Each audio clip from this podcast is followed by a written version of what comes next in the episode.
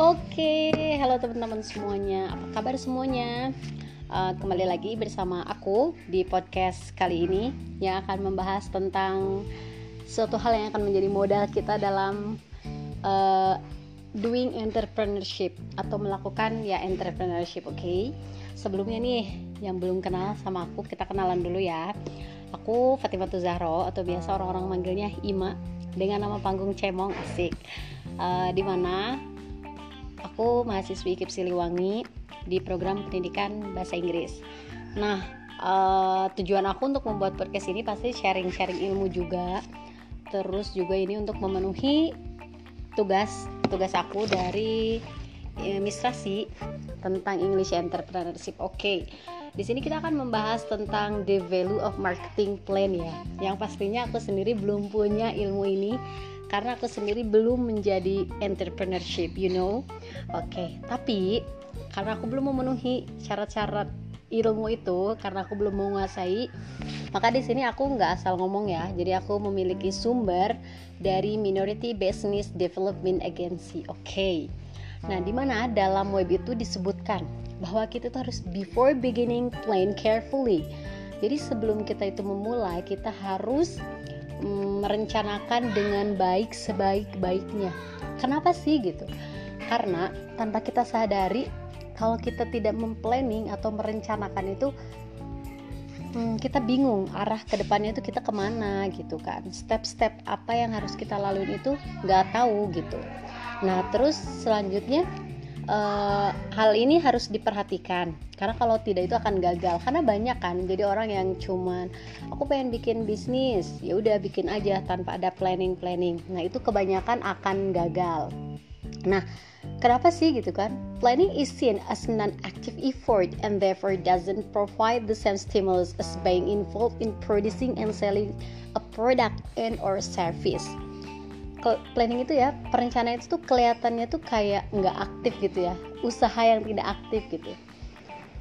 Dan bagaimanapun itu tuh nggak apa ya, nggak kayak kita tuh bagaimana uh, produksinya, menjualnya, tetapi bagaimanapun perencanaan itu harus hal yang harus diperhatikan.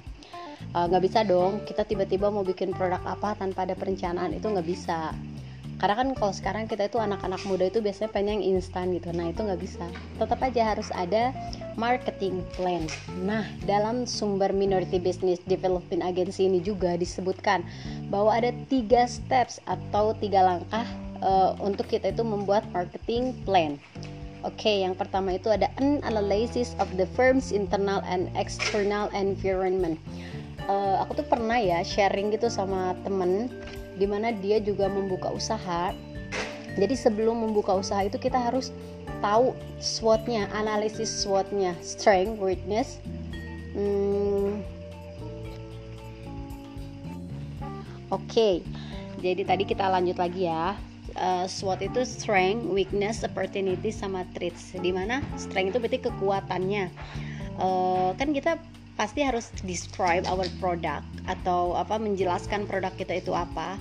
Nah, kekuatannya itu apa? Weaknessnya, kelemahannya apa? Opportunities, kesempatan kita untuk memasarkannya seperti apa? Dan juga ada traits, uh, berarti ancaman atau bisa dibilang ya hambatan-hambatannya yang bakalan kita temuin itu apa gitu. Nah, uh, dari sharing itu juga aku dapat ilmu gitu ya bahwa kita itu kalau bisa bukan kita meniru uh, bisnis orang lain tapi kita harus memiliki kompetitor. Jadi contohnya minuman yang lagi hype apa nih sekarang? Nah kita mencoba untuk membuat itu tapi dengan kemasan dengan suatu ciri khas yang kita miliki sendiri dari produk kita. Nah karena aku juga pernah lihat nih dalam suatu media gitu ya. Tapi aku lupa. Nanti akan aku cari lagi dan aku bakalan uh, cantumin di next podcast insya Allah. Uh, di mana kalau contohnya nih ada dua mesin ini mesin minuman.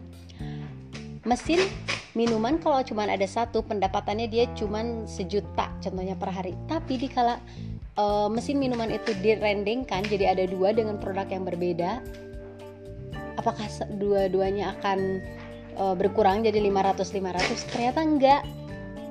Malahan lebih meningkat. Ada sejuta seratus sejuta dua ratus dari setiap mesin. Kenapa coba? Karena orang itu jadi lebih berpikir oh ini minuman yang mana ya? Ini apa ini? Nah kayak gitu ya. Nah, terus juga kita harus tahu ya, dalam uh, analisis ini kita harus tahu nih, what does our business do for the customer?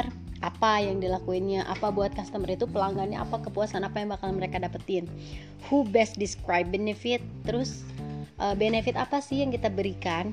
Terus how do we prove this claim? Kita contohnya menjual apa ya?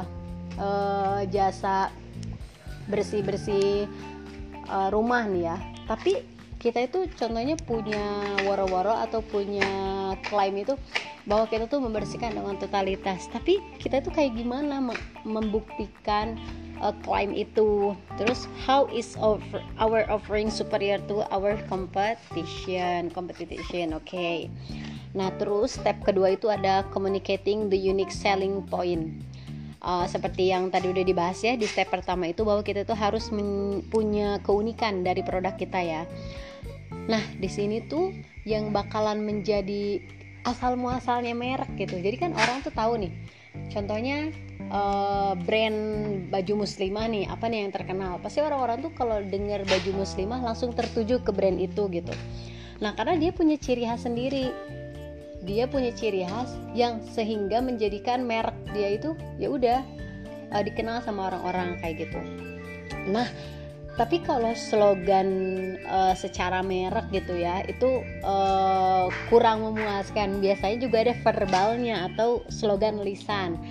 Biasanya kan uh, kalau ada apa, contohnya um, harus sebut brand nggak ya? Nggak lah, contohnya apa gitu. Terus jadi ada slogan lisannya apa gitu. Jadi orang-orang itu tahu gampang mengenalnya kayak gitu. Terus di step yang ketiga itu ada action planning.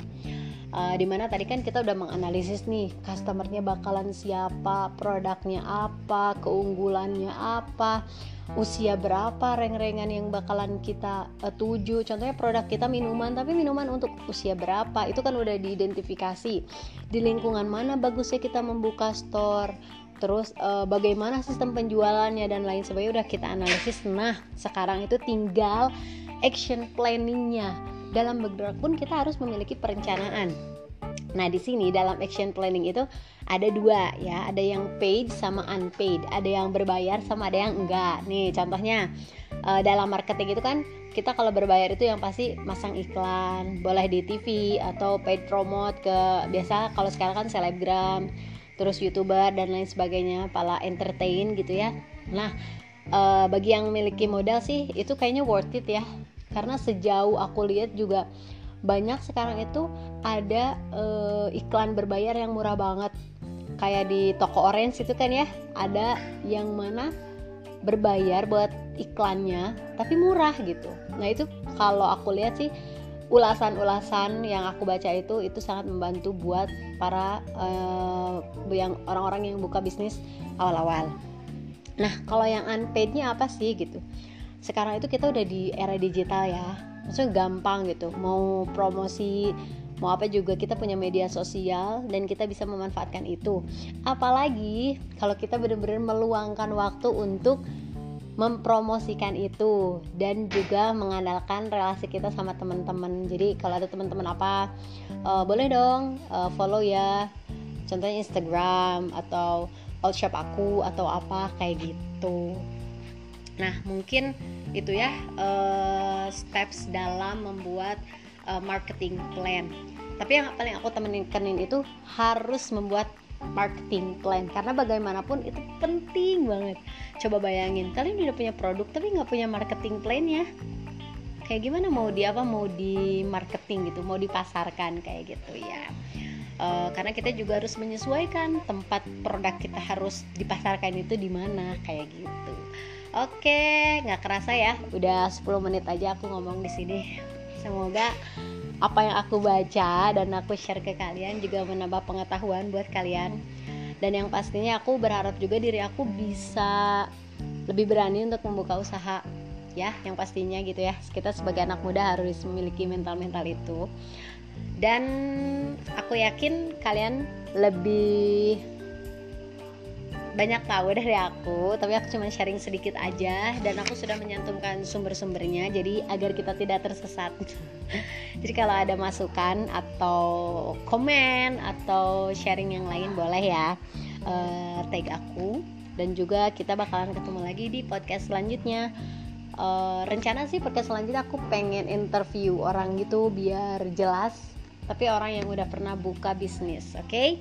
uh, aku cukupin ya buat hari ini sampai di sini. See you next podcast. Thank you for listening